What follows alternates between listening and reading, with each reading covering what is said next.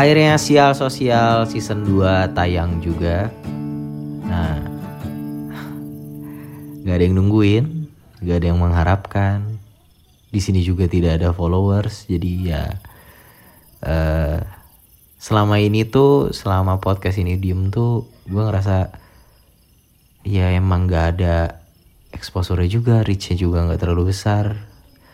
Mungkin gak ada yang non denger semua episode tapi ya emang gue suka bacot jadi harus selalu ada media yang uh, mewadahi hobi gue ini. Hobi katanya tapi sebenarnya bukan hobi sih. Cuman kelihatan gak ada kerjaan aja kali ya. Siapa yang masih jomblo siapa yang udah pacaran lama dan masih nggak tentu mau uh, lanjutin seperti apa hubungannya dengerin aja sial sosial di sini. Ini edisi tentang uh, pacaran lama entah itu efek dari pacaran lama atau emang dampak-dampak yang terjadi karena pacar bentar oke okay.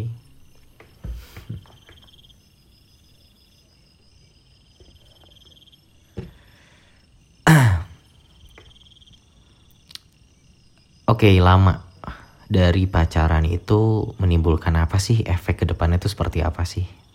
Pertama-tama gue pengen nanya lama tuh gimana buat teman-teman di sini mungkin ada yang nggak nggak nggak tahu juga ya mungkin ada yang 8 bulan 9 bulan udah disebut lama. Tapi dari gue sendiri gue tipe orang yang emang kalau pacaran tuh lama.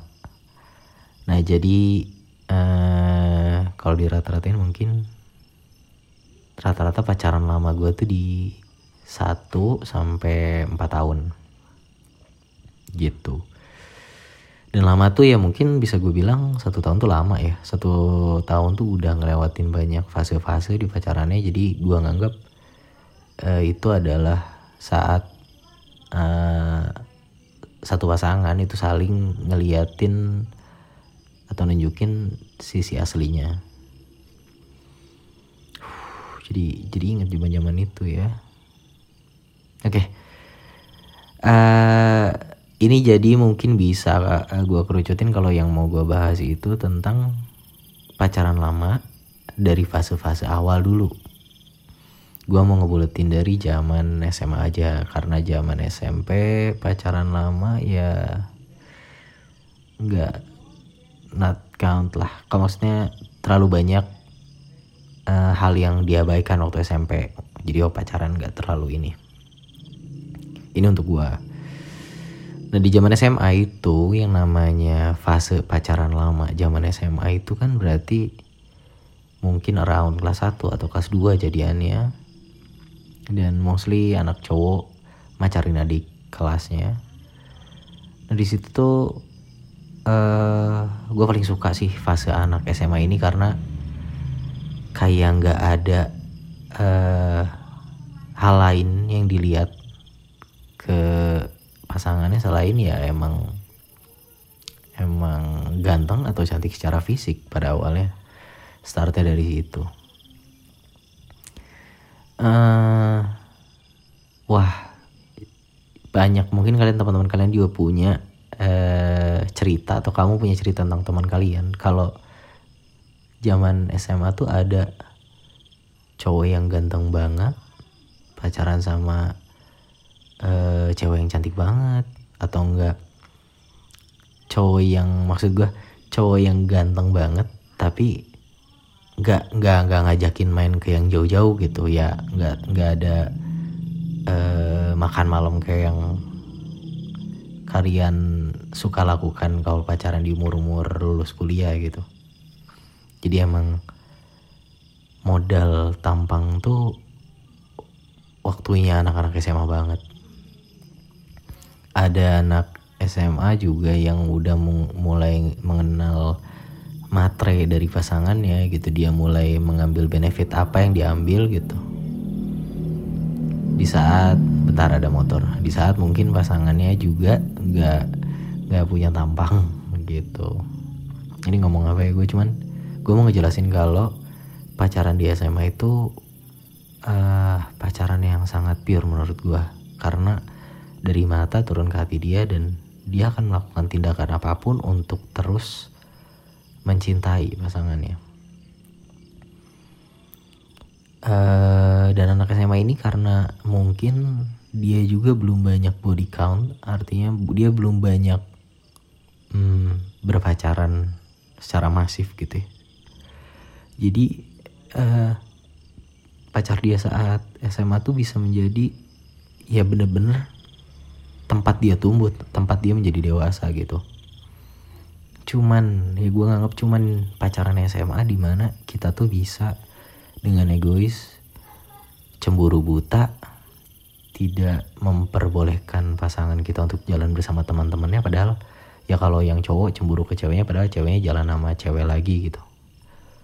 Itu tuh cuma di SMA beda beda kasusnya sama zaman kuliah ya. Cuman di SMA tuh kayak pure gitu apa-apa samperin apa-apa marah-marah teriak-teriak dan kayak nggak punya uh, hal selain ya hubungan mereka gitu. Rasa tanggung jawab dia untuk memprioritaskan hal yang lain selain si pacaran itu terkesan ya sangat sedikit lah zaman itu.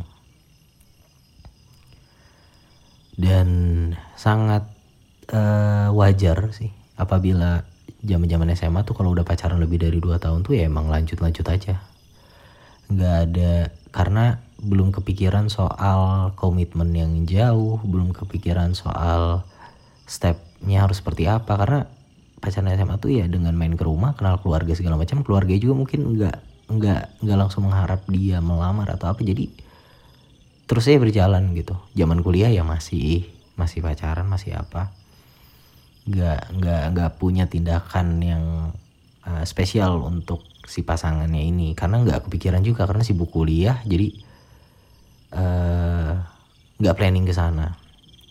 Sampai suatu saat mungkin nah zaman zaman SMA ini berarti kan otomatis si umur tuh nggak beda dari maksimal tiga tahun ya satu atau dua maksimal tiga tahun. Nah dengan berarti saat masuk zaman kuliah itu nasib uh, nasib atau zaman yang sedang dia lewati atau nggak fase yang sedang dilewati ada kuliah gitu dua-duanya berjuang untuk belajar dan siap lulus. Dan dua-duanya tentu saja belum tentu eh, belum punya pekerjaan. Nah di fase ini banyak sekali eh, laki-laki yang gugur gitu. Karena perempuannya sudah di akhir tahun untuk siap lulus dan ingin hubungannya tuh lebih jauh lagi. Tapi si cowok ini di posisi yang siap lulus atau bahkan telat lulusnya jadinya Jadinya di fase ini adalah fase-fase degradasi para cowok yang udah pacaran lama dari zaman SMA. Itu biasa di tahun ketiga atau tahun keempat kuliah. In true story ya. Nah dari situ uh, cewek tuh menuntut komitmen yang lebih. Nah banyak cowoknya yang gugur ini tuh bukan karena dia nggak bisa komitmen, tapi dia tuh tahu, dia kenal dirinya sendiri kalau dia yang belum siap dihadapi kenyataan harus seperti itu. Makanya uh, daripada mencelakakan atau bukan mencelakakan ya daripada ntar kalau dilanjutin bikin pasangannya itu menjadi sedih bareng dia jadi dia memilih untuk uh, mempersilahkan pergi atau dianya mundur. Sehingga hubungannya harus berakhir ya lama nggak berselang biasanya hubungan yang putus ya hubungan anak SMA yang putus di akhir tahun kuliah itu biasanya ceweknya ya ketemu cowok yang gak lama kemudian nikah. Ini ini juga true story ya karena emang banyak sekali cerita seperti itu di mana dia udah udah dia udah exhausting dia udah sangat lelah dihadapi dengan pacaran yang lama-lama seperti itu tanpa komitmen jadi waktu dia mencoba lagi berhubungan dengan orang dia pasti milih untuk ya udah dah gue nggak nggak minta yang macam-macam. Udah nggak kayak dulu zaman SMA dia pengen yang ganteng. Sekarang dia ya ingin yang siap untuk uh, mempunyai sebuah keluarga gitu menjadi imam sebuah keluarganya. Nah kita masuk ke fase itu. Fase itu adalah fase zaman pacaran lama waktu ada di rutinitas kerja. Nah di fase ini tuh umurnya relatif ya random aja nggak beda satu dua tahun. Biasanya emang jauh-jauh aja karena ya siapa pun yang ketemu di lingkungan itu dan mungkin berharap kalau satu sama lain adalah jodoh ya mereka mencoba untuk menjalin hubungan gitu. Tapi di fase saat-saat rutinitas kerja ini biasanya emang udah nggak menggebu kayak zaman SMA gitu ya dulu zaman SMA mungkin hampir tiap weekend uh, ke mall nonton atau apa. Justru pas zaman uh, seperti ini yang waktu kerja ini memilih untuk melakukan hal yang positif atau kalau bisa lebih produktif gitu. Mereka uh, mungkin olahraga bareng gitu atau ngerjain sesuatu bareng di luar tugas atau apa. Ya itu hubungan yang udah growth. Dan di sini tuh cewek tuh bisa dengan mudah nanya ke cowoknya lu serius nggak sama gue kalau misalnya serius ya uh, mau dari bulan apa nih? Dari bulan apa kita nabung? Dari bulan apa lu mau kenal sama orang tua gue nah di fase ini tuh cewek-cewek tuh cewek-cewek yang udah pernah muak dilama-lamain sama mantannya dulu. Jadi terkesan bakalan lebih strong di era era itu gitu. Dan dari fase itu fase zaman SMA kuliah sama rutinitas kerja itu efeknya bakal kayak gimana sih kalau udah pacaran selama itu dan putus? Yang pasti uh, kita sendiri bakalan ngerasa lebih picky kali ya. Kita bakalan lebih selektif dalam mencari pasangan. Karena ya tadi gitu sangat melelahkan sekali. Pacaran lama tuh sangat melelahkan sekali masalah terberat saat berhubungan dengan seorang itu kayak gue yakin gak main-main gitu untuk yang pacaran lama. Yang kedua takut atau enggak males untuk memulai hubungan yang baru dengan seseorang gitu. Apalagi kalau diseimbangin dengan waktu rutinitas kerjanya banyak banget yang emang mikir ya kalau bukan jodoh ya nggak apa-apa tapi gue pengen senang aja deh gue pengen ada yang nemenin aja deh gitu. Makanya suka ada yang nyari shortcut untuk nyari FWB-an atau enggak teman uh, yang ya yang intim gitu. Bisa nemenin dia uh, mungkin bermalam atau apa di fase-fase itu. Karena dia sendiri juga belum siap untuk berkomitmen tapi dia tahu di hadapan dia ada orang yang bisa diambil benefitnya. Benefit itu nggak nggak cuman hubungan badan ya. Tapi mungkin di saat itu dia butuh partner yang ngerti tentang marketing. Mungkin saat itu dia butuh partner yang ngerti tentang pembuatan suatu konten apa gitu. Atau enggak yang hobinya lu suka juga. Jadinya ya kayak beriringan aja gitu. Kalau emang gak komitmen nggak apa-apa. Tapi ya hubungannya beda sama zaman SMA itu yang tadi gue ceritain. Nah dan di saat uh, umurnya udah around 30 gitu. Kalau misalnya dia udah mendekati umur 30 si cewek ini baru mulai dan tiba-tiba merubah pola pikirnya gitu. Bisa sangat berubah. Itu di mana dia uh, sadar kalau ya ini bisa datang dari temennya ini atau siapa dia kayak anjir selama ini gue ngapain? Kok gue masih main sama cowok ini jadian enggak lanjut juga nggak tahu gitu. Kita tiap hari cuma gini-gini aja. Tiba-tiba pola pikirnya berubah dia untuk mencari suami dan boom gitu si cowok, si cowok yang uh, cuman temen dan partner itu tiba-tiba bisa dia lepaskan juga. Dan uh, tiba-tiba cewek itu menikah dengan seseorang yang kalau misalnya ganteng banget ya mungkin gak kaya banget. Kalau misalnya nggak ganteng-ganteng amat juga yang mungkin kaya banget. Jadi ada di pilihan-pilihan itu ya bukan ngejudge tapi stereotipnya memang seperti itu.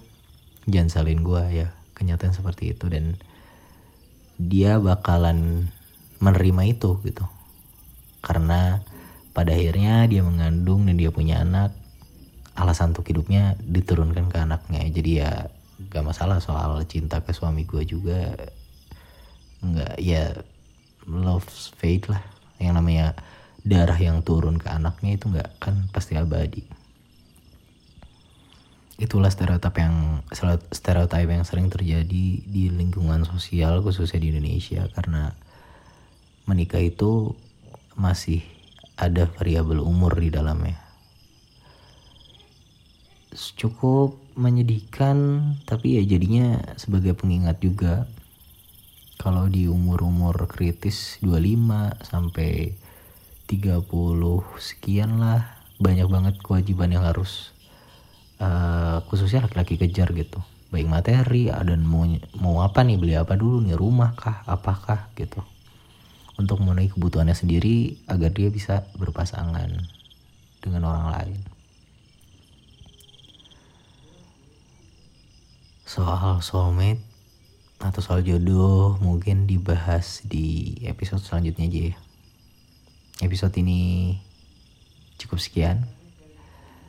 Semoga yang belum nemu uh, pacaran, eh belum bisa pacaran lama dikasih kesempatan untuk pacaran lama dulu biar ya rasain.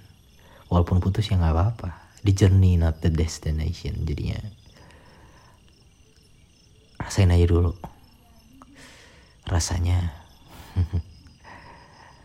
Thank you, semoga masih tetap bisa dengerin gue ya di episode selanjutnya. Bye.